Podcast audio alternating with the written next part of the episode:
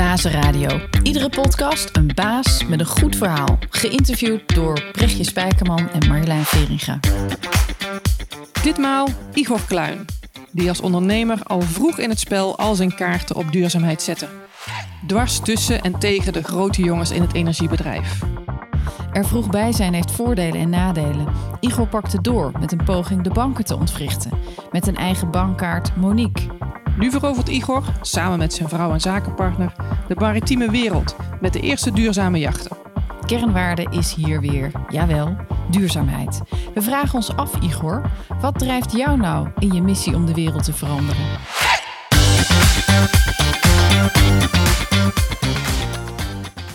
Mijn naam is Igor Kluin. Ik ben uh, oprichter, medeoprichter van Faanyachts. Uh, en daarvoor, dat is een duurzaam jachtbouwmerk, nieuw. We zijn daar nu anderhalf jaar mee bezig. Hiervoor oprichter geweest van uh, Current, duurzame energie. daarvoor, en, of tegelijk eigenlijk medeoprichter geweest van de Groene Zaak. Een tijdje vicevoorzitter geweest van de Groene Zaak. En daarvoor ben ik oprichter geweest van een reclamebureau, de reclamedivisie. Dus ik heb een aantal bedrijven opgezet. En dat is eigenlijk van marketingcommunicatie gegaan naar ja, in bedrijven die een duurzame focus hebben. Maar wat mij nou zo fascineert is hoe komt een reclameman uiteindelijk in die duurzaamheid? Dan is er ergens iets wat jou intrinsiek heeft geraakt, denk ik, als ik het voor jou mag invullen. Waardoor ja, je die stap nou, hebt gezet. Ik, ik, ik, het is wel grappig als je in die reclamewereld zit. En nogmaals, wij zaten met een uh, mannetje of tussen de 10 en de 15, afhankelijk van welk jaar het was, uh, in Rotterdam. Hè, dus dat is ook niet het hart van de reclamewereld. Dus ik kan niet zeggen dat ik nou in het hart van de reclamewereld zat. Maar, uh, en, maar, maar we ik las natuurlijk ook de adformatie en dat was grappig, want heel vaak zat daar wel een interview van iemand in die de reclamewereld eh, vaarwel had gezegd. En daar, de, de lijn door die verhalen heen was vaak toch wel dat op een gegeven moment, en dat heb ik ook zo ervaren, je wel voelt dat het een beetje een, een beetje leeg wordt. Uh, en ik had dat, dat super sterk. Dus ik, dan zit je met klanten te praten die dan.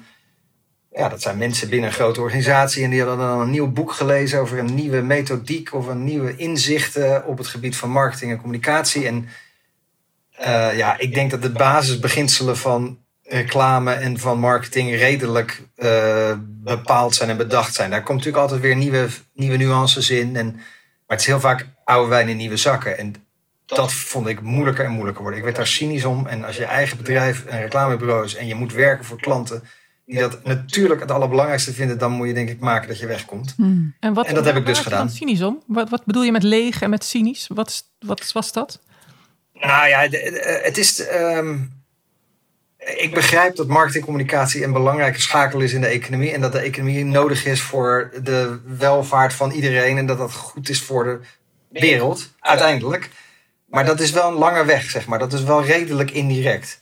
Uh, dus je kunt een hele belangrijke discussie voeren over een lettertype, over een PMS-kleur en over nou, uh, copy die geschreven is. En, en moet er nou wel of niet een punt achter een headline in een advertentie. Weet je, dat moet ook. Die, die discussie moet je voeren. Alleen voor mij werd het steeds moeilijker om, uh, om daar de relevantie van in te zien. Dus dat had gewoon vooral heel veel met mij te maken. Was het dan dat je dacht van het heeft niet genoeg impact voor wat ik eigenlijk zou willen doen?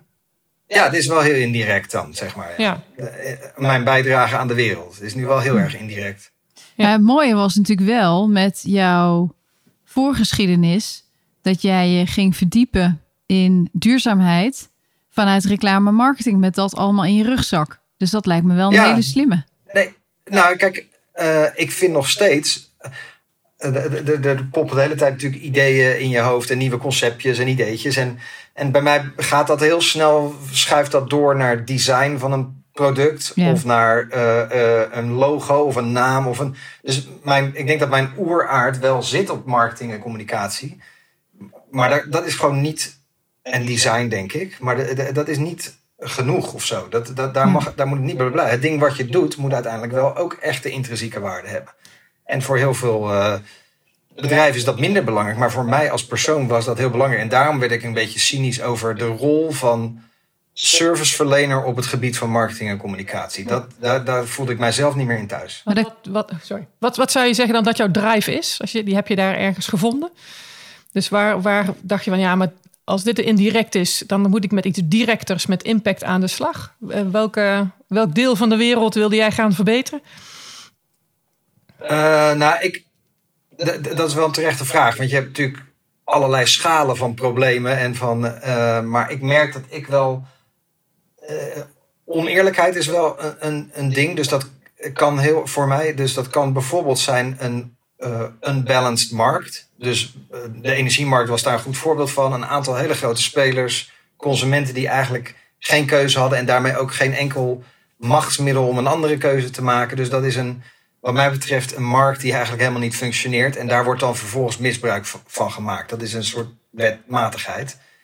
Uh, dus dat vind ik, uh, daarom ben ik daarna ook iets gaan proberen, inderdaad, in de financiële sector. Want daar is het machtmisbruik en de oneerlijkheid, uh, zeker toen ik daarmee begon, nog veel groter. dus dus een, het aangaan van een, of het aanvechten van heersende macht. Uh, dat is denk ik een drijfveer die in mij zit. En vooral een macht die daar misbruik van maakt. Daar, daar wil ik graag mij uh, tegen verzetten. Mm -hmm. En de andere kant is, is gewoon uh, simpele duurzaamheid. Dus, dus gewoon zorgen dat we de, de aarde niet verder kapot maken. Mm -hmm. Dat is ook wel een belangrijke drijfveer.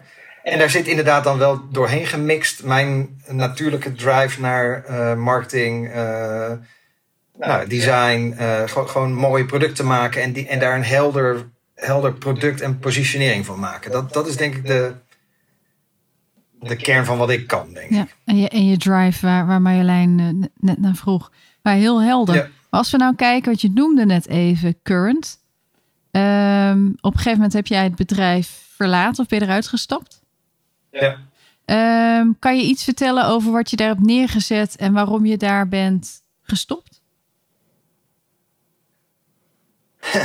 dat is een hele uh, grote vraag. Uh, tenminste, lang, dat, dat, kan een lang antwoord opleveren. Maar dit was een voorbeeld, denk ik, van een idee wat eigenlijk veel te vroeg was als je kijkt naar waar de wetgeving zat, waar mensen de mindset zat, uh, waar investeerders mindset zat. Dat, dat, dat, dat moet je eigenlijk nu doen ongeveer, zo'n soort plan, ja. denk ik. Of, mis, of misschien vijf jaar geleden. Maar hm. ik begon daarmee in 19... Uh, nou, dan ga je al. Nee. 2003, niet 19. 2003 denk ik. Dat ja. de eerste ideeën van uh, uh, Current ontstonden. door een trip naar IJsland. en dat was eigenlijk weer door een tegenlichtdocumentaire over de waterstofeconomie. en IJsland had daar een eerste voorbeeld van. En dat fascineerde me heel erg. Dus ik ben toen met een vriend zijn we naar IJsland gegaan. Om daar ten eerste dat tankstation te bekijken. Gewoon, ik wil dat zien. En met de professor die daar uh, heel veel over kon vertellen, die ook in die tegenlichtdocumentaire zat, uh, om daar ook mee af te spreken. Ja. Dat ga je dan dus opzoeken. Er zullen meer mensen die documentaire hebben gezien. Er zullen meer mensen gegrepen zijn door die documentaire. Maar jij bent dan iemand die zegt: Weet je wat, ik pak het vliegtuig, ga met een vriend, ik ga die, ga die professor opzoeken om mee te praten. Nou, niet elke keer hoor. Dat, nee, dit is wel ja. wel. Uh, niet bij elke tegenlichter. Ja, was het op het spoor. maar, maar in dit geval was dat zo, ja. En uh, dat kwam gewoon, ik, werd, uh, ik weet niet, ik was aan het seppen en toen kwam die documentaire voorbij. En ik werd echt gegrepen door, wauw. En, en daar komt inderdaad dan wel, uh, ging ook mijn soort, mijn marketing instinct ging aan. Van waarom doen we dit niet al, joh? Waarom, wat, is de, wat is de barrière dan? Dan gaan we die oplossen. Want wat was de dus, dus de, wat, jou, wat jou gegrepen heeft? Daar ben ik nou even nieuwsgierig naar. Gewoon, kijk, waterstof, even, uh, we hebben het nu over dus uh, 2003 of zo, die documentaire. Dus inmiddels zijn mijn verwachtingen daarvan iets bijgesteld. Alhoewel ze de laatste tijd weer omhoog komen. Maar waterstof heeft in ieder geval in de basis de belofte van je uitlaatgas van je auto is, zijn waterdruppels. En dat is natuurlijk prachtig. Als we, als we de mobiliteit totaal uh, schoon kunnen maken. En niet alleen mobiliteit, maar alle energiebehoevende dingen schoon kunnen maken. Dat is. Dus je dacht eigenlijk, joh, prachtig. geniaal idee, waarom doen we dit niet al? Dat was eigenlijk waar je dacht van, ik ga hiermee aan de slag.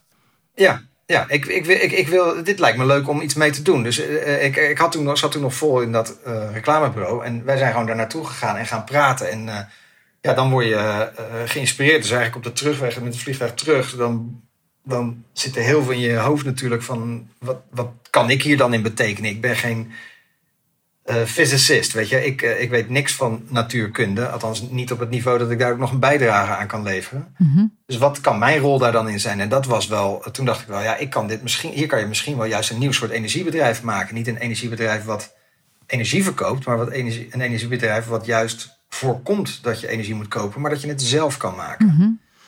En dus hoe, dat is toen de basis geweest. hoe gaat zo'n proces bij jou dan? Dan, dan? dan is er zo'n zaadje geplant. Je hebt met die man gesproken. Je hebt met, ongetwijfeld met die vriend gesproken in het vliegtuig terug naar huis. Ja. Ehm, maar hoe maak je daar dan wat van? Hoe zet je Nou, dan... met nog heel veel meer mensen praten. Dus nog veel meer mensen bellen. En nog veel meer mensen spreken. En dan, eh, dan langzaam ontstaan er contouren van een rol. Weet je, van wat kan ik daar dan inderdaad in doen? Waar zou mijn eh, manier van werken of mijn ideeën, waar zouden die dan een, bijgevo- een toegevoegde waarde kunnen hebben? En, eh, dus dat betekent nog veel meer mensen praten dan een, dan een contour van een plan maken. Dat weer terugkaatsen naar die mensen. Van wat zou dit kunnen? Zou Maar, dit- maar even, hè, want je zei 2003. Ik bedoel, als iedereen even teruggaat naar die tijd. Wij bekeken en- energieleveranciers toen door een volstrekt andere bril. Dat waren echt Ja. hele mammoeten van bedrijven waarbij je als ondernemer niet eens dacht aan dat je daarnaast kon staan of kan, kon bestaan. Dus ik, ik denk dat als je je idee pitchte, dat heel veel mensen in die tijd zeiden van Igor, waar ben jij nou mee bezig? Ja, Wat ja, wil jij dat- nou eigenlijk dat, gaan dat, doen? eh, dat klopt, ja. Dat klopt. En, op- en op een gegeven dus na, dus, de- er waren wel mensen, zeg maar, in die, in die, in die energiewereld. ehm, want ik ging er dan ook inderdaad een beetje over. Nou, ik weet niet of het twitteren was toen zelfs. Het misschien Mhm. wel niet. Maar je, zodra je in ieder geval het uit gaat dragen, dan, dan zeggen mensen: je moet eens met die praten. Of je moet eens Ja. met die praten. En dan kom je toch wel in een wereldje terecht waar mensen iets van dat idee eh, herkennen of eh, het zelf ook al gehad hebben natuurlijk. Eh, de- dus, dus langzaam, eh, maar inderdaad, langzaam kreeg ik wat meer eh, connecties daarin. Mhm. En vervolgens volgde misschien een jaar of twee jaar, dat, dat, dat weet ik nog wel heel goed, dat ik in allerlei boardrooms werd uitgenodigd. Want die vond een fascinerend verhaal, interessant. En, eh, Ja. Maar daar kwam natuurlijk niets van. Dus Ja. dit- dan was er van, ja, interessant verhaal, interessant verhaal. Daar moeten we Inspirerend, echt over verder praten. Ja.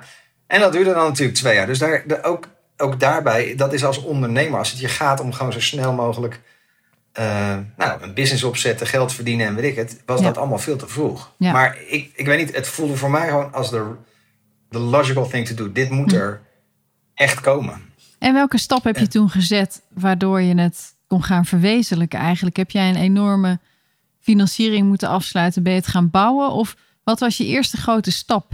Wat maakte van, hé, hey, dit staat? Nou ja, ik heb inderdaad wel. eh, dus ik heb ik- op een gegeven moment eh, zie je inderdaad de, bodem in zicht komen.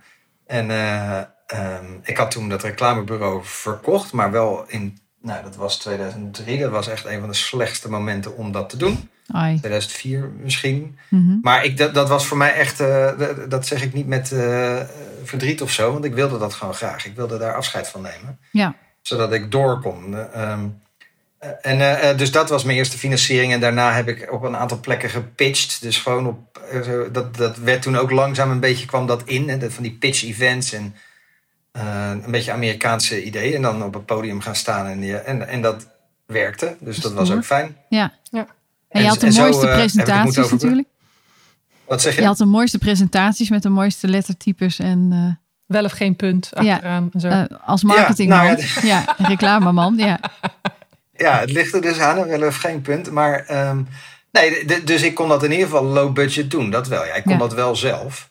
Eh, en dat is eigenlijk nog steeds wel, komt dat wel goed van pas. Weet je, dat is best handig om Ja. eh, zelf ook die dingen in elkaar te kunnen zetten. Dat scheelt, een, dat scheelt gewoon ook veel geld en snelheid. En ik vind even, even nieuwsgierig, nou, terwijl je aan, erover aan het praten bent. Want in, in het begin, toen wij eigenlijk even ons inleidingsgesprekje hadden, zeg je van joh, leiderschap, eh, hartstikke leuk. Ik denk daar niet zo over na eh, als jullie daarover nadenken. Eh, maar het zegt natuurlijk wel heel veel over jouw leiderschap. ehm, hoe je daar gaat staan, hoe je wordt uitgenodigd ehm, en dat je het op kan zetten. Dus dat maakt mij wel nieuwsgierig naar wat in jou is dan dat mensen daarna gaan luisteren. Het beïnvloeden bedoel je Marjolein? Ja. Waarom word je Nou ik- uitgenodigd? Wat, wat, dat is jouw leiderschap, om het zo maar te zeggen.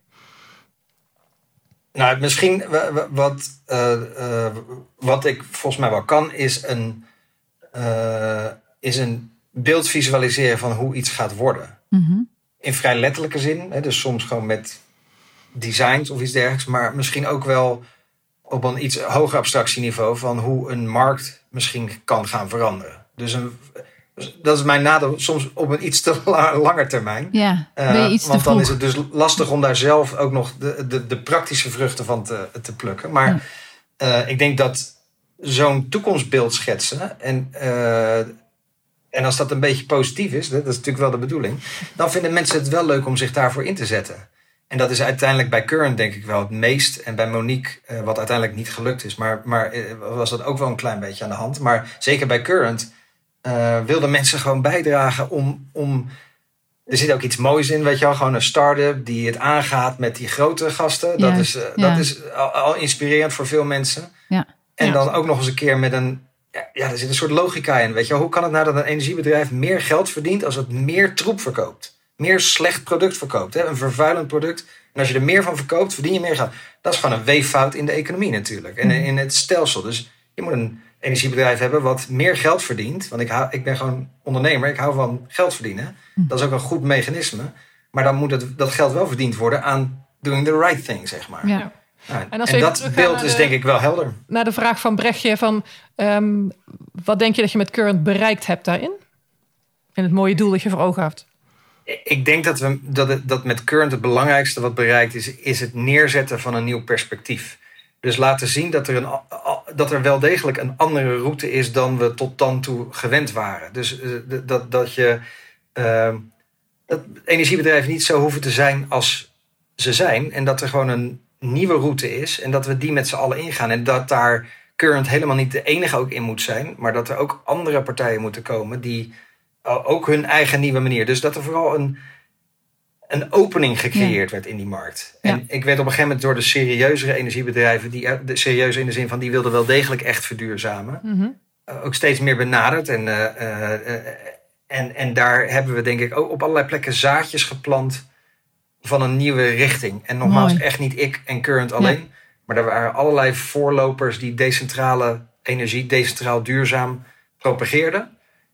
En Current was daar een voorbeeld van. En misschien wel het meeste, eh, nou, misschien wel marketing beïnvloeden. Echt als een energiemerk neergezet. Als Ja. een nieuw energiebedrijf. Dus Dus- er waren ook allerlei buurtinitiatieven. En, eh, maar dat heeft dan nog niet het- de zweem van een, van een bedrijf. En, en wij hebben het meteen neer geprobeerd te zetten als een, ja, als een alternatief voor energiebedrijven. Maar dan, dan kwam dat DNA van jou vanuit de marketingreclame weer goed van pas. Hè? Om dat is goed neer te zetten, het current.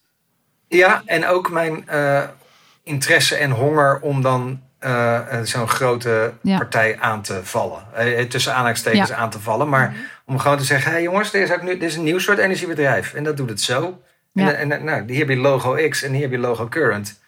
Alsof het een, gewoon een, een van de alternatieven is. Ja, wat ik heel leuk vind in de voorbereiding op dit gesprek, dacht ik duurzaamheid, duurzaamheid als drijfveer. Maar dat er bij jou achter zit eigenlijk ook het eerlijkheidsprincipe. En dat je daarin vindt dat er een ander geluid moet komen. Ja, dat zegt mij nog meer over wie jij bent. En hè, wat de werkelijke drive waar Marjolein eerder een vraag naar stelde. Want eh, toen heb je bij Current eigenlijk je ding gedaan. En daarna kwam Monique. Ja, En eh, eigenlijk is dat een project, als ik erover lees, ehm, heeft het iets gedaan. zeggen wat het inhoudt voor, ja, de, voor de luisteraar. ja, inderdaad. Ja, dat gaat, Sorry, gaat hij zo waarschijnlijk doen. eh. Kun je me daar iets meer over vertellen? Marjolein is bang dat we het daar helemaal niet over gaan hebben. En, eh, want daar wilde je eigenlijk de bankensector eh, aanpakken. Hè? In ieder geval Ja. eh, de disruptor daar zijn. Ja. Ehm, zou jij kunnen vertellen wat Monique is en wat je daarmee wilde bewerkstelligen? Ja, eh, eh, het doel daarbij was eh, wederom om de hegemonie van banken. De, de, de, de, en daar zaten natuurlijk echt perverse, lelijke dingen inmiddels in. Nog, nog erger dan bij de energiebedrijven, denk ik. Daar raakte ik wel echt boos van. Hè. Dus het misbruik wat die banken maakten en de wanstaltige winsten die daarbij gemaakt werden voor wederom een, ja, een beetje een ziek businessmodel wat daar eh, heerste. En, en, en met alle perverse uitwassen.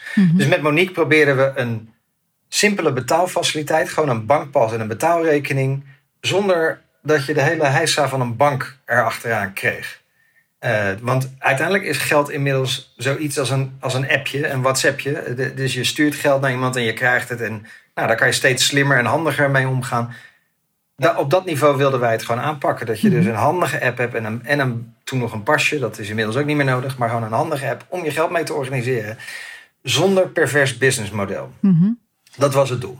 En eh, dat maakt dan, het, eh, dat is een hele, hele grote stap weer. En, en de energiemarkt, dat, dat waren de mammoeten. De banken, dat waren de mammoeten. Ook hier was je er weer vroeg bij. En nu zijn er van allerlei eh, fintechs, heten ze geloof ik. Hè? Bedrijven Ja. die als paddenstoelen Ja. uit de grond eh, schieten.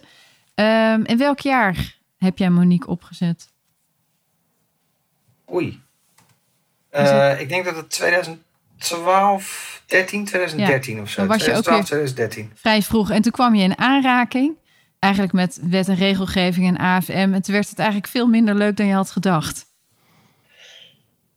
Nou, dat had ik wel verwacht. Dus ik, Ja. ik wist wel dat dit een. eh, eh, dat, dat is eigenlijk niet de reden waarom het niet geworden is wat ik hoopte. Hm. Eh, want sterker nog, in, ik vind dat best interessant om eh, juist een beetje in die krochten van de systemen te kijken. Daar zitten vaak ook de problemen en de fouten. Dus dat, dat is het. eh, Met, met de groene zaak bijvoorbeeld. Eh, de kern van de groene zaak was eerlijkere spelregels, economische spelregels voor duurzame businessmodellen. Mhm. Dus dan gaat het juist heel erg over regelgeving en over wetgeving. En, En is je weet dat Marjolein mijn- nu wil vragen wat, of je iets meer kan vertellen over de groene zaken. Nee, maar gewoon, eh, ik was wel benieuwd. Zeg maar, je was Ja. aan het antwoorden over van waarom vind je dat het Nee, niet dus dat, is? dat, was, dat, dat was niet in ieder geval de reden waarom ik daar, eh, waar- waarom dat niet verder is gekomen. Maar eh, de, de reden was omdat het, eh, wij allerlei dingen wilden die eh, qua regelgeving inderdaad op de grens waren. Dat betekende dat we van een aantal bedrijfjes, maar eh, toeleveranciers en de, de eh, betaalverwerkers en dergelijke, daar waren we afhankelijk van. Want anders kan je niet pinnen bij een pinautomaat. En die waren niet zo bereid om ons te helpen. Hè? Want hun klanten waren natuurlijk die grootbanken. Maar Igor, want eventjes heel concreet. Want nu klinkt het alsof je foute dingen ging doen. Dat dat het op de grens was van wat, wat haalbaar. Ik weet niet hoe je het net zei. Maar eh, wat was op de grens van? Noem eens een voorbeeld. Waarbij je iets wilde wat, wat de, de, de leverancier niet kon leveren. Nou, ehm, wij, je moet, eh, toen wilden, wilden we nog een fysieke betaalpas hebben. Mhm. En eh, dan moet je dus een... eh, je had toen Maestro als betaalplatform en. Eh, en de banken gebruikten allemaal Maestro. En VPay was, een beetje, was, wa- was wat nieuwer van Visa. En om daar op te komen, dan had je nog Interpay. Dat was een soort service provider die die afhandeling deed van alle betalingen. Nou, daar zijn wij gaan praten. Die zeiden, ja, dat is allemaal goed, maar eh, eh, je moet die passen per 100.000 afnemen. Want hun klanten waren ABN, Rabo en noem maar op. En die namen af per 100.000. Ja, dat konden wij natuurlijk niet doen. Ja. Dus dan kom je bij een andere groep leveranciers terecht. En die konden wel iets regelen of iets organiseren. Maar dat moest dan... Nou, de, die hele kaartenwereld zit vooral in Londen. Dus dan moesten wij naar, samen gaan werken met een partij in Londen. Maar om dan weer een EU-bankenpaspoort te hebben... dat was dan weer iets aparts. Dus dat ging dan via Gibraltar. Voor de duidelijkheid, dat is helemaal binnen de wet. Alleen, je, ehm, ja, je, moet, een, je moet een route kiezen die eh, die voor jou open ligt. Het makkelijkste was naar Utrecht rijden en naar Interpay en zeggen wij willen graag bankpassen afnemen. Nou, dat, dat is, was helemaal. Alleen die zeiden ja, dat, dat kan alleen per 100.000. Ja, maar wij willen een nieuwe partij zijn en wij willen de, de gevestigde orde een beetje aanvallen. En dan zij dachten natuurlijk, ja, de gevestigde orde, dat zijn onze grootste klanten. Dus waarom, hoezo gaan we jou minder dan 100.000 laten afnemen? Hè? Dus, dus, Hm. eh, dus je moet echt een beetje ergens tussendoor wringen Hm. om voor elkaar te krijgen wat je eh, nodig hebt. En wat en was dat is uiteindelijk het moment... niet goed gelukt. Nee, wat, maar wat was voor jou het moment dat je zegt van... joh, we gaan hiermee stoppen? Nou, we hebben best lang inderdaad eh, in een stand gezeten dat we hoopten dat het ging lukken met die kaart. En dat we. Hadden inmiddels ook investeerders aan boord. En, eh, en die, nou, die zeiden ook allemaal van. Maar die kaart is natuurlijk alles bepalend. Ja, maar dat komt goed. Dat hebben we voor elkaar. En eh, eigenlijk op dat moment ging de leverancier, de, de Nederlandse tussenpartij. voor die passen. Ehm, en die, die deden de betalingsafhandeling. ehm, eh, van, van de pinbetalingen. Die partij ging failliet. Dat had niks met ons te maken, Ja. maar die ging op de fles. Ja. En toen, eh, ja, dat, was zo'n grote stap achterwaarts. Want Ja. wij hadden juist met heel veel knijpen hadden we een partij gevonden die net dit wilde doen en net kon doen. En, Hm. en uiteindelijk eh, vielen zij zelf eh, om. ja, dat, dat, uh, nadat wij al een jaar uitstel daarop hadden gehad en hm. nog, dat, alles kwam maar later. En dat, op een gegeven moment moet je dan beslissen van dit, dit, is niet de time voor dit, voor dit ding. Hoe, hoe is dat? Je hebt, je, hebt, je hebt een aantal prijzen gewonnen, je hebt een aantal dingen opgezet. Hoe voelt zoiets dan als iets niet lukt? Of ja, niet lukt. Misschien is je missie wel geslaagd, maar heb je het uiteindelijk gewoon gestaakt. Uh, heb je toch laten zien van hé, hey, er moet er een alternatief komen. En door veel te praten heb je wel mensen bewuster gemaakt dat het anders moet of kan. Maar uiteindelijk nou, is Monique niet het product geworden wat wij hebben leren kennen, waar we allemaal het, het bankpasje van in ons portemonnee hebben gestoken. Ik, denk dat mijn. Uh, nee, nee, want Monique is gewoon heel simpel. Uh, dat is echt mislukt dus dat is niet een beetje gelukt. Of, kijk, er, er zijn, voor mij persoonlijk heeft het heus nog wel wat opgeleverd. In de zin van, het is een hele interessante, leerzame periode geweest. Inderdaad, in de relatie met de AFM en, en de Nederlandse Bank. En, de, dus ik heb heel veel geleerd over onze financiële wereld. En ik ben op een gegeven moment ook een beetje aangehaakt bij wat platformen die voor vernieuwing in de financiële sector. Dat heeft mij ontzettend veel geleerd. Ja. Dus persoonlijk heeft het, me, heeft het me veel gebracht. Maar het is als bedrijf natuurlijk gewoon mislukt. En, en, en daar heb ik niet zo moeite mee. Het is natuurlijk uh, vervelend. Uh, investeerders die hun geld. Ik, ik, ben zelf natuurlijk ook behoorlijk wat geld kwijtgeraakt. Maar um, het, meest lastige eraan vind ik eigenlijk dat ik heel veel van de dingen die wij bedacht hebben, nu bij allerlei andere partijen zie ontstaan. Ja, en dat, lijkt mij ook. Dat, dat irriteert Best me frustrerend. Ja, als je te vroeg bent, ja, dat. Uh, ja. geweest. Hè, dan, uh, dan is de wereld er nog niet klaar voor. En nu, ja, dat kan me voorstellen dat, dat je dat nu al een paar keer hebt. Uh, wel, ik wil eigenlijk heel langzaam. Je, je noemde het net al, de groene zaak. Um, zou je daar iets over kunnen vertellen? Want kwam dat na Monique? Nee, nee, nee. Dat kwam tijdens Current eigenlijk. Dus dat had. Dat had uh, het idee van de groene zaak kwam bij een aantal uh, wat gro iets grotere bedrijven vandaan. Uh, daar zat TNT bij, daar zat Eneco bij, daar zat Triodos bij. En die hadden gewoon als idee van, ja, dat, dat, nou, dat kan ik inmiddels nu wel zeggen, maar dat VNO-NCW, dat is toch echt niet op een duurzame koers. Kunnen we niet iets... En het is niet zo fijn, want je, je wil soms een businessmodel echt vergroenen. Um, maar ja, als, de, als de regels daar eigenlijk helemaal. De regelgeving loopt natuurlijk altijd achter de vooruitgang aan. Dus dan is het soms belangrijk dat de regeltjes iets worden aangepast. Hè. Een goed voorbeeld daarvan is een autoleasebedrijf wat zegt: wij willen graag mensen de trein ook in helpen. Hè. Dus oh, mensen hebben een leaseauto van de zaak. Maar het zou goed zijn als ze toch ook vaak de trein gebruiken. Maar zodra mensen eenmaal de bijtelling van een auto voor hun kiezen krijgen. dan zijn ze eigenlijk die auto niet meer uit te trappen. Want de, ja, ze hebben daar nou eenmaal voor betaald. Ze gaan ze echt niet meer in de trein zitten. Dus uh, je zou eigenlijk iets met die bijtelling moeten doen. Dat die misschien iets meer varieert afhankelijk van het gebruik van die auto. Mm daar, dit, was een, een autoleasemaatschappij die daarvoor wilde pleiten. Dat zijn kleine veranderingen die dus verduurzaming enabelen. Of in ieder geval een eerlijk, eerlijk speelveld geven. Mm En zo en zo een heleboel andere voorbeelden. En die bedrijven wilden zich bundelen. Uh, en, en, ze hebben toen gevraagd of ik daarbij ook betrokken wilde raken. Of vanuit een, inderdaad een meer een start-up disruptief uh, perspectief.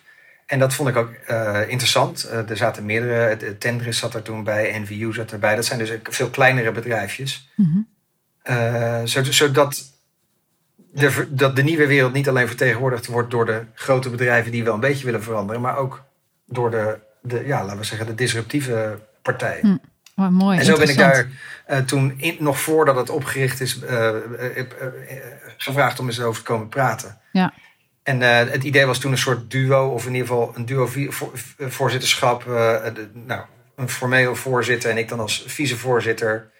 Um, en, dat, en dat stond me allemaal heel erg aan. Uh, de, de, erkenning voor start-ups als nou, waarde voor vernieuwing. Dat, dat was er goed aan, denk ik. En het disruptieve, wat bij jou ook iedere keer naar boven komt. Want als we naar jouw laatste projectbedrijf kijken, hm. de, de Vaan Yachts hoe ben je daar bij gekomen? Ik bedoel, we weten dat je, dat je zeilt, maar dit is dan toch weer een hele andere stap.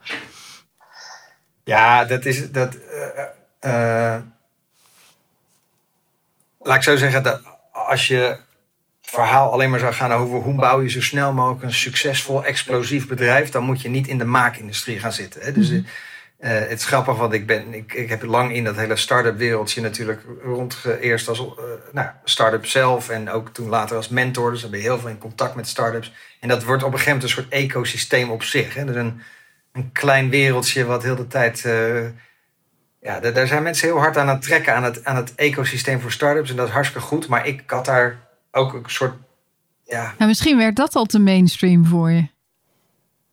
Nou ja, in ieder geval, nou ja, dat zou, het, werd, het werd wel iets te veel op zichzelf of mhm. naar zichzelf naar binnen gericht. Ja, dat mhm. vond ik wel. Ja. Dan moet het ook niet overdrijven hoe belangrijk start-ups zijn. Ja, dus alleen maar succes willen hebben en snel willen groeien. Dat inspireert ja, jou niet. Het, doel werd op een gegeven moment, ja, gewoon maar een start-up hebben. Dan is het al helemaal uh, gaaf. Ja, hip en happening.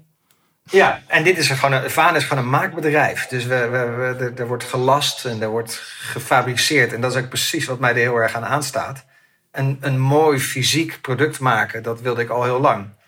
Uh, en een mooi merk neerzetten, neerzetten natuurlijk, dat wil ik altijd, geloof ik. Uh, dus uh, dat kwam daar. En dan gecombineerd inderdaad ook nog eens een keer met zeilen. Wat ik een prachtig. dat, dat doe ik van echt jongens af aan. Maar dat is ook een hele mooie manier om de wereld. Om de aarde te zien. En om de, de pracht van de, van de aarde te ervaren. Er zit eigenlijk heel veel in, hè? Er zit ja. windenergie in. Er zit de wereld ervaren in. Er zit in dat je geen motor gebruikt, dus niet vervuilt. En er zit dus ook in, waar dan Vaan yachts over gaat, dat je recycled materiaal gebruikt om de jachten te bouwen. Ja, want, want zeilen is heel erg duurzaam. Hè? Je zegt al, geen motor, gewoon door de wind ga je uh, vooruit. Maar de meeste zeiljachten zijn verre van duurzaam. Dat zijn gewoon smerige producten. En daar willen we graag verandering in brengen. Mhm. Eh, maar over dat geen motor. Dus het, we hebben nu een elektromotor. Uh, die, over, die, hebben we niet zelf ontwikkeld. Maar dat zijn dan de, we zoeken overal de koplopertjes uit, zeg maar. Mhm. En, en tijdens dat zeilen kun je gewoon elektriciteit opwekken. Want aan het laatste stukje moet je toch de haven in. En je hebt mhm. aan boord heb je ook gewoon lekker comfort. Dus uh, wasmachine en noem maar op. en dat heeft allemaal stroom nodig. Maar tijdens het zeilen laat je gewoon de schroef meedraaien. En dat genereert weer energie. Uh, natuurlijk zitten er zonnepanelen op. Dus het is, eh, we proberen het geheel duurzaam te maken. Helemaal zero emission. Nou, je hebt er al bijna een verkocht hier hoor. Ik word al enthousiast. Ik kan niet eens zeilen, kun je nagaan. Nee, nou, dat, we hebben een reserveringsknop op de website. Ah, dus, oh, wat leuk, net als Tesla. Hey, en, en, Want het zijn uh, katamarans hè, die je maakt. Ja, klopt. En waar zit jullie bedrijf, de, maak, de, de, de scheepswerf? Ja, in, in Hellevoetsluis. En uh, de, althans, dat pand staat er nog niet. Uh, dus wij uh, zijn nu aangewezen op onze toeleveranciers en de subcontractors om in hun locaties dingen te doen. Mm -hmm. en, en we zijn nu bezig om een tijdelijke locatie. We zijn net begonnen met de bouw van de eerste. Mm -hmm. dus we zijn ook bezig met het zoeken van een tijdelijke afbouwlocatie die we denk ik een jaar nodig hebben. Mm -hmm. want daarnaast hebben we ook al een stuk grond verworven om daar inderdaad wel de eigen assemblagehal neer te zetten. Dus dus uh, die, dat eerste jaar zal het nog een beetje rommelig gaan met waar we dan precies zitten. Mhm. Wij zitten gewoon in Hellevoetsluis, daar komt het mhm. bedrijf ook. Maar die toeleveranciers zitten door heel Nederland heen natuurlijk. Dus uh, de, de, romp wordt in Aalsmeer gemaakt. Mm In Brouwershaven wordt de mast gemaakt. En zo probeer je dat Echt dan een Hollands, Hollands product. Want is dit dan iets waarvan je zegt... Ja, ik heb, hè, we hebben net al een paar projecten van jou de revue laten passeren. Is dit iets waarvan jij zegt, ja, maar hier, hier kan ik wel echt lang mee aan de slag. Want dit, dit, dit wil ik gewoon neerzetten. En... Of is dit ook weer iets wat je wil bouwen en dan wil zeggen, en dan, ga ik, dan vaar ik weer door. Dan zeil ik weer door naar het nou, volgende. Ik, ik heb volgens mij, uh, uh, laten we zeggen, de belangrijkste dingen die ik heb gedaan, dat zijn dan misschien het reclamebureau en Current. Uh, en de Groene Zaak, maar dat was natuurlijk, daar was ik niet operationeel in. Daar was ik, zat ik in het bestuur. Um, en die heb ik allebei, al die dingen, dat is, daar ben ik tien jaar mee bezig geweest. Uh, dus ik denk dat dit in ieder geval zoiets wel weer is. Het is niet, het, het is niet mijn doel om door te hoppen of zo. Het is, ja. maar ik denk wel dat, nou, als je nou hebt over leiderschap, ik denk wel dat ik het soort mens ben wat het meest waardevol is aan het begin. Mm -hmm. okay. En dit is ook een project waarvan je zegt, um, hier kan ik ook echt de impact mee maken die ik bij het reclamebureau miste, maar die ik hier wel echt mee kan neerzetten. En wat voor impact zou je dan willen neerzetten? Nou, wat, ik denk dat uh, ik ben nu al uh, op een aantal plekken als uh, spreker gevraagd. Heb ik een aantal plekjes presentaties gegeven over circulariteit in de jachtbouw. ik heb via de Groene Zaak, maar ook via Current en, en via Monique. Dan kom je eigenlijk in een industrie vers in. En dan heb je een perspectief van een andere industrie. Dat is hartstikke boeiend. Ja. En je ziet, ik zie gewoon steeds helderder de patronen waar een industrie doorheen gaat. En uh, de jachtbouw is zeker niet geen koploper hierin. Dus uh, het, het komt daar allemaal nu een beetje nieuw uit de lucht vallen. Dat, dat, dat echt uitzonderingen daar gelaten hoor. Want er wordt natuurlijk door heel veel mensen wordt hier naar gekeken van hoe kunnen we schonere jachtbouw uh, voor elkaar krijgen. Maar het gros is nog helemaal daar niet mee bezig. En, en dus het eerste wat ik probeer te doen is overal dat verhaal te vertellen. En in de hoop dat dat daarna dan op een gegeven moment een beetje uh, in het begin is dat natuurlijk niet serieus. Hoeveel boten bouwen wij nou uiteindelijk? Hoeveel kunnen we er überhaupt per jaar mhm. bouwen? Dat, die impact is het misschien niet direct. Maar als op een gegeven moment mensen zeggen: ja, ik heb de keuze tussen een, een, een duurzame, recyclebare boot. of een ding wat daarna in de oven gaat met allerlei uitstoot en een uh, van dien. Uh, ja, dan wordt, dan wordt het ineens wel bedreigend. Want dan gaat het er niet meer alleen om hoeveel boten wij nou kunnen bouwen. Maar dan gaan er dus meer partijen komen die zeggen: wij bouwen ook een duurzame boot. Mm -hmm. En uh, dan, krijg je, dan, dan ineens kan zo'n omslag snel gaan. Dus dat is de hoop dat we met een, ja, met, met een klein vonkje eigenlijk een vuurtje kunnen starten. Okay. En wat dus groter doel, is dan wij zelf. Het doel om de hele, die hele sector zeg maar, te verduurzamen en dat daar veel minder waste is. Dan ben je geslaagd. Ja, en, en dan, nog, dan, dan kan er ook nog een, nog een laagje boven. Mm -hmm. En dat is. Uh, ik, tien jaar geleden zat ik heel erg in de, in de mindset van de wereld gaat inderdaad goed uh, kapot. Uh, dus we moeten minder, minder, minder, minder, minder, minder. Alles moet minder. We moeten, de, de, jongens, de tijd zoals we die gehad hebben, die is voorbij. En dat zie ik nu iets anders. De, ik denk dat we gewoon hele, nou, à la dat waterstof. Het probleem is niet autorijden. Het, het probleem is de, de verbrandingsmotor. Dus stop daar een schone motor in en dan, en dan is autorijden no problem. En dat zie je op steeds meer luxe uh, artikelen, producten. Is dat, ja, je kan, je, je, je, je kan niet een superjacht kopen. Want dan moet je kijken hoeveel uitstoot er is. Nou, dat is ook belachelijk. Maar het probleem is niet superjacht. Het probleem zijn de dieselmotoren die erin staan. Hm. En uh, ik, ik denk dat het veel mooier en krachtiger is. En ook meer impact heeft als we laten zien al die toffe dingen van het leven. Eigenlijk waar het leven om draait. Hè. Het zijn juist de toffe dingen die kunnen we gewoon blijven doen. We moeten alleen zorgen dat de alternatieven die, waar je uit kan kiezen, dat die allemaal echt oké zijn. dat, mhm. dat, gaat van de supermarkt van de pindakaas tot en met jachtbouw eh, of daarboven. Ja. Is het inderdaad wel een leuker verhaal, zeg maar. Als je mij vertelt, Marlijn, je kan blijven doen wat je doet, alleen het moet schoner, in plaats van het verhaal van ja, je moet overal mee ophouden. Ja. Dus ik snap ja, de, de positieve vibe die je dan brengt. Uh. Ik denk overigens wel dat, nou ja, we zien het nu, hè, we zitten nu in de coronatijd. Uh, soms zal het nog steeds zo moeten dat als het, het schone alternatief te lang op zich laat wachten, dat je wel degelijk pijnlijke maatregelen misschien moet nemen. Dus denk even aan vliegen. Uh, ja, dat is wel een ding daar. Elektrisch vliegen, en met 400 man in een toestel, dat, dat duurt nog best wel even. En dat is ook een tamelijk vervuilende activiteit. Dus misschien dat we daar nog wel wat grenzen aan moeten stellen. Maar we moeten gewoon zorgen dat, dat de toffe dingen die er zijn en die we allemaal leuk vinden om te doen, uh, dat die gewoon niet meer vervuilend zijn. En dit is er één van. Igor, uh, je triggert mij een beetje, want uh, gaandeweg dit gesprek heb je een keer gezegd: ja, dat is soms wel frustrerend, want ik ben overal eigenlijk net iets te vroeg. En nu steekt het, nu, nu is het geïncorporeerd, of nu vinden we het gewoon, of nu zijn er heel veel bedrijven. Maar nu zeg je eigenlijk: ik ben nu ook heel erg vroeg in een, in een traditionele branche, die, die jachtbouwerij. Maar nu is het ook je missie om daar juist wel de bewustwording in, uh, in, toe te voegen, zodat andere bedrijven, jachtbouwers, het eventueel gaan overnemen. Um, ben jij daarin veranderd? Want je bent eigenlijk weer, nou ja, de roepen in de woestijn niet. Je hebt wel de hele wind in de zeilen nee. qua duurzaamheid. Hè? Um, kan je nee, maar er is een groot verschil. Er is echt ja, een groot, een verschil, verschil, in dat uh, uh, ten tijde van Current was ook de, er was nog geen film van Al Gore geweest, bijvoorbeeld. Mm-hmm. dus, dus, een, dus ook bij de consument was er nog nauwelijks.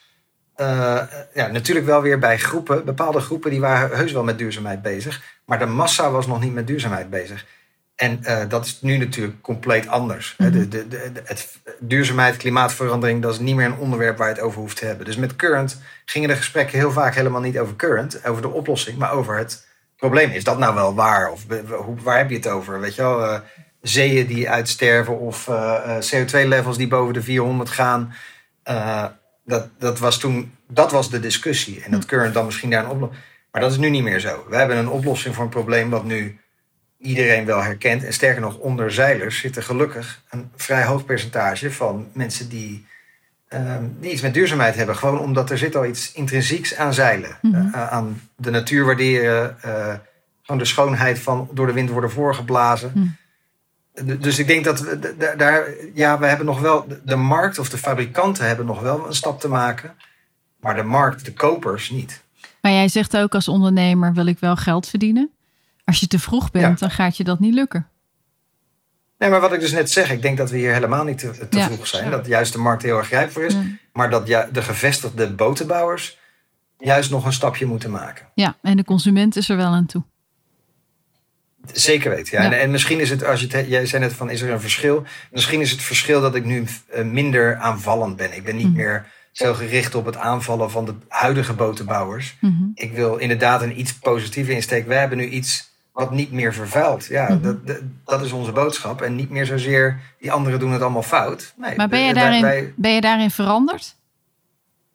Ja, ik denk het wel, ja. Ja, dat heeft misschien ook gewoon uh, met ouder worden te maken. Of, uh, ik, dat weet ik niet precies. Maar in ieder geval daar...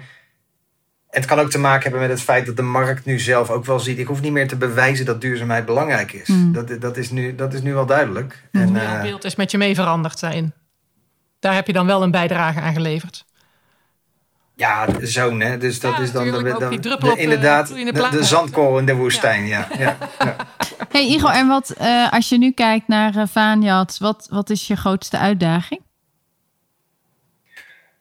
Uh, nou ja, ik ben wel ergens ingestapt waar, waarvan wat ik nog niet eerder heb gedaan. Dat is overigens, dat is ook een belangrijke drijfveer voor mij. Is steeds ergens instappen wat je nog niet eerder hebt gedaan.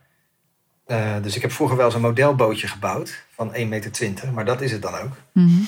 Dus dat is een, dat is een uitdaging. Uh, en ook het vertrouwen winnen van zowel investeerders als potentiële kopers, mm -hmm. omdat je het nog nooit eerder hebt gedaan. Dus mijn track record op het gebied van jachtbouw is een beetje dun. Uh, en, en daar heb ik. maar gelukkig is dat nu allemaal wel goed aan het lukken. Het is gelukt om goede investeerders aan boord te krijgen botenbouw is een hele dure hobby, dus dat, dat, dat was ook echt nodig, maar dat is wel goed gelukt. Hmm. Uh, heeft overigens wel langer geduurd dan, dan je wil, maar uh, het is er, dus dat is fijn. Uh, en er zijn gelukkig ook heel veel geïnteresseerde klanten, omdat nou, die, de filosofie die we hanteren bij Vaan, die is wel aangeslagen. Dat, dus dat is prettig. We krijgen heel veel aanvragen. Gaaf. Van, ben jij een beetje de Tesla onder de jachtenbouwers? Nee, maar dit, dit is zo'n voorbeeld. Weet je, dat is wat dus inderdaad start-ups allemaal doen. De, je leert om een soort metafoor. We zijn de Apple van dit, of de Netflix van zus, ja. of de Tesla van. Uh, Tesla is een, uh, dat, dat, voorziet in een compleet andere behoefte qua schaal, qua complexiteit, uh, volume. De, de, maar de enige analogie, enige analogie die je misschien kan trekken is dat het inderdaad een premium luxe product is, wat, wat toch duurzaam is. Dus het, het probeert wel hetzelfde doel te bereiken. Namelijk gewoon luxe, comfortabel, uh, fijn leven. Uh, zonder dat dat schadelijk is voor de rest. Maar op de vraag nog, wat is je grootste uitdaging? Daar gaf je een uitdaging aan, maar daar zeg je eigenlijk ook bij, die heb ik eigenlijk al een stuk opgelost. want ik had niet zoveel kennis, maar inmiddels is dat ook alweer opgelost. ja, er moest geld bij van investeerders en die heb ik inmiddels gevonden. Allemaal hartstikke mooi nieuws. Super. Fijn dat dat hartstikke goed gaat. Maar er zal vast nog ergens iets in je achterhoofd zijn van ja, maar dit is, dit is nu mijn uitdaging. Met alle dingen die natuurlijk in de afgelopen tijd wel gelukt zijn. Nou, het, zijn, dat zijn een beetje dagkoersen eerlijk gezegd. Waar, de, hm. de, uh, hoe, hoe ik dat zelf ervaar. Want kijk, ondernemen is gewoon 95% problem solving. Dus mhm. dat, dat er problems zijn, dat is normaal. Dus dat voelt niet als een hele bijzondere, eruit springende uitdaging. Het is gewoon nu zorgen dat de boot die we ontworpen hebben, uh, bedacht hebben met alle details van dien. De, mijn, de weken nu zijn voor mij super gedetailleerd. Het gaat over, letterlijk over millimeters, over eh, eh, nou, gewichten, over Mhm. drijf. Het is allemaal heel precies, omdat we hem aan het bouwen zijn. Het is eigenlijk Dus de dat is de uitdaging dat uit- hij er nu ook echt komt. Als ik dat zo hoor. Ja, en zorgen dat het de kwaliteit heeft die je voor ogen hebt gehad en dat de beloftes die je hebt gemaakt eh, naar investeerders, potentiële klanten, dat die Ja. ook allemaal werkelijk Dat is heel spannend. worden. Maar dat is eigenlijk ook wat ik bedoelde. Want jij ging op mijn Tesla-vergelijking eerder richting start-ups. Dat was niet waar, waar ik op inhaakte. Maar eigenlijk zei jij... ik moet mensen overtuigen in deze industrie... dat ik het nog nooit heb gedaan. Dat ik nog nooit een jacht heb gebouwd. Toen moest ik denken aan Tesla die in een Ja, eh, auto-industrie kwam... met een auto waar mensen vertrouwen in moesten hebben... terwijl die nog nooit auto's had gemaakt. Hè? Dus we hadden ja, ja. eh, automerken die jarenlang hè, de markt eh, voerden, aanvoerden. Ja. En toen kwam er een nieuwe. En da daar moet je dan vertrouwen in hebben. En ik kan me voorstellen in zo'n traditionele markt als de jachtenbouw... dat jij als nieuwe speler, onervaren in het bouwen van jachten... dat mensen dus moeten geloven in jouw droom. Ja, dus de, eh, nou, we hadden het eerder over van wat is dan mijn eh, rol eh, vaak. Is inderdaad misschien wel het schetsen van dat beeld. Dat, ik denk dat dat wel lukt. Maar de analogie met Tesla, ik, ik, ben in complete awe, zeg maar, van wat daar gepresteerd wordt. En ik vind dat iedereen die zichzelf daarmee vergelijkt is... Ik, ik, ik kan daar echt niet bij hoe je dat allemaal voor elkaar krijgt. En ook nog letterlijk een raketbedrijf daarna doet. Daarna Nee, dat het. snap ik. Nee, maar ik, snap dat je denkt Ik snap het niet. Ik, ik haal dit elementje eruit, hè, waar de vergelijking zit. Is dat je dus een droom moet verkopen in een industrie. En dat heb je natuurlijk vaker gedaan. Want je hebt eigenlijk de bestaande grote mammoeten geconfronteerd met dat er een alternatief is. En daarin moet je dus een droom verkopen. En dat is Ja. misschien wel waar jij goed in bent. Omdat je dat eigenlijk altijd voor elkaar hebt gekregen. Tot nu toe. Ja, dat, dat, ik, ik denk dat dat, eh, eh, dat, dat inderdaad lukt. Eh, om, om een perspectief te laten zien en dat, en, en dat dan wel verder te krijgen dan alleen de presentatie. Of, de- want dat Mhm. heeft ook heel veel te maken met skin in the game Mhm. en, en het ook doen. Het maken, het tastbaar maken. Echt het- verwezenlijken het gewoon- van die droom. Eh, Verwezenlijken, ja. Ja. Dat, dat, dat is een, denk ik een belangrijk... Want er zijn natuurlijk... Ja, er zijn heel veel mensen met ideeën. Dat is het probleem nooit. De- Ja. De, hoeveelheid Ja. ideeën zijn... eh, dat, dat is het probleem niet. Het, het gaat erom, eh, ga je het ook doen? Hey, maar Igor, wat is jouw skin in the game dan hier? Oeh. Nou ja, ja, gemak. Je kan natuurlijk zeggen een beetje geld. Dat is natuurlijk... Maar het- dat is het eigenlijk niet. Ja, het is Eh, altijd wel lekker als een, een ondernemer met een idee die een investering nodig heeft, zelf alles inzet op zijn idee. Dat is geloofwaardig. Dus dat, Ja. dus dat is, een, dat, is een, dat is er heus wel. Maar dat is niet. Mijn skin in the game is veel meer dat ik wil dat het gebeurt. Hm. Dus dat is hetzelfde als wat, wat vind je het enige, het enige lastige aan het mis, mislukken van Monique. Is dat een aantal van die ideeën die, die we hadden eh, nu door anderen worden opgepakt. Dus dat frustreert. En, eh, en dat ook een heleboel van die ideetjes er nog niet zijn. Dus Mhm. Ik, ik denk dat eh, mijn skin in the game is vooral dat ik wil dat, dat het ons lukt om dit voor elkaar te krijgen. En als wij investeerder zouden zijn, dan zouden we dat bij jou voelen. De eagerness. Ja, dat, dat, dat, ik, ik, ik denk dat, eh, dat, dat- Ja, dat hoop ik dan maar. Ja. Dat, dat, dat, mijn, mijn, mijn ideeën voor Vaan, de ideeën die. Want ik doe dit samen met mijn vrouw overigens. De, de, Wat leuk. wij hebben zoveel gesprekken over wat we met Vaan zouden kunnen worden. Weet je? Dat, Mhm. Natuurlijk begint dat bij boten, maar dat is. Ja, dat, dat, dat kan groter worden dan alleen maar boten. Dat kan een heel mooi merk worden. Hè? Mhm. Daar, daar eh, neigt het dan toch weer naar. Ja, wat geweldig Daar komt toch de horen. wereldverbeelderaar weer terug, zeg maar. Ja, de, de- Ja. Ik, de- ik hoop gewoon dat het ons lukt. En eh, nou, voorlopig gaat het nu goed. Dat, eh, voor de duidelijkheid, we hebben ook een best wel moeilijk jaar achter de rug. Maar eh, het lijkt me gewoon heel jammer als we het niet, als we het niet helemaal dat kunnen laten eh, worden. Dat is denk ik mijn belangrijkste skin in the game. En dat is ook de drijfveer. Ja. Maar zou jij jezelf een idealistische ondernemer noemen? Nou, nee, ik denk het niet. Eh, eh, Waarom niet? ja, wat, wat bedoel je met wat? eh, Dat je, Gedreven door idealen? Ondernemen vanuit de drijfveer. Ik wil de wereld verbeteren. Nou ja, dat, dat, zit er wel een beetje in. Maar ik vind dat je dat. ehm, Ik, je zou toch ook wel echt helemaal gek zijn als je nu een bedrijf gaat starten en dat is niet duurzaam. Dat is toch- dan, dat, dat, dat, ik weet niet, dat, ik vind het ook een soort van normaal. Ja. De- de- Ja. dat lijkt me gewoon ook slecht ondernemerschap. Dat je Mhm. zegt, nou ik ga nu een product maken wat helemaal lak heeft aan eh, duurzaamheid en klimaatverandering. Dat, de, ik vind het gewoon logisch eh, en eh, ja, common sense. Dat, Hm. dat, heeft, dat, dat is eigenlijk misschien het verschil met 15 jaar geleden. Toen was dat misschien nog een soort idealistisch en eh, had dat met geloof te maken. Nu is het Hm. toch gewoon. Nou is het gewoon een voorwaarde geworden eigenlijk. Ja, Ja. ja. Igor, ik, eh, ik wil je heel erg bedanken voor dit hele mooie gesprek. Ik, ik, ben, ik heb er heel veel van geleerd en ik vind het echt geweldig om jouw eh, drive te horen en jouw ideeën.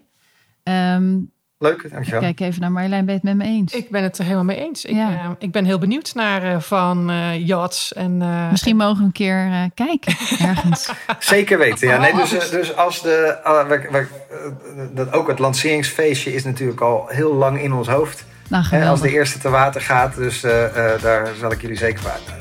Met mondkapjes, zonder mondkapjes. We zien het wel wanneer dat gaat gebeuren. Het duurt nog even, dus ik Ja. denk dat het dan zonder mondkapjes kan. Helemaal goed. Hey, super bedankt. Bedankt voor je, voor je aandacht. En heel veel succes. Tot zover het interview. Wij hopen dat je geïnspireerd bent geraakt en dat het je aanzet tot nadenken over je eigen leiderschap en keuzes die je maakt in je leven. Wil je meer horen? Wij hebben nog een reeks fantastische gasten in de aanbieding. Abonneer je op Bazenradio en pak ze allemaal mee. En we komen graag met je in contact. Heb je complimenten of tips?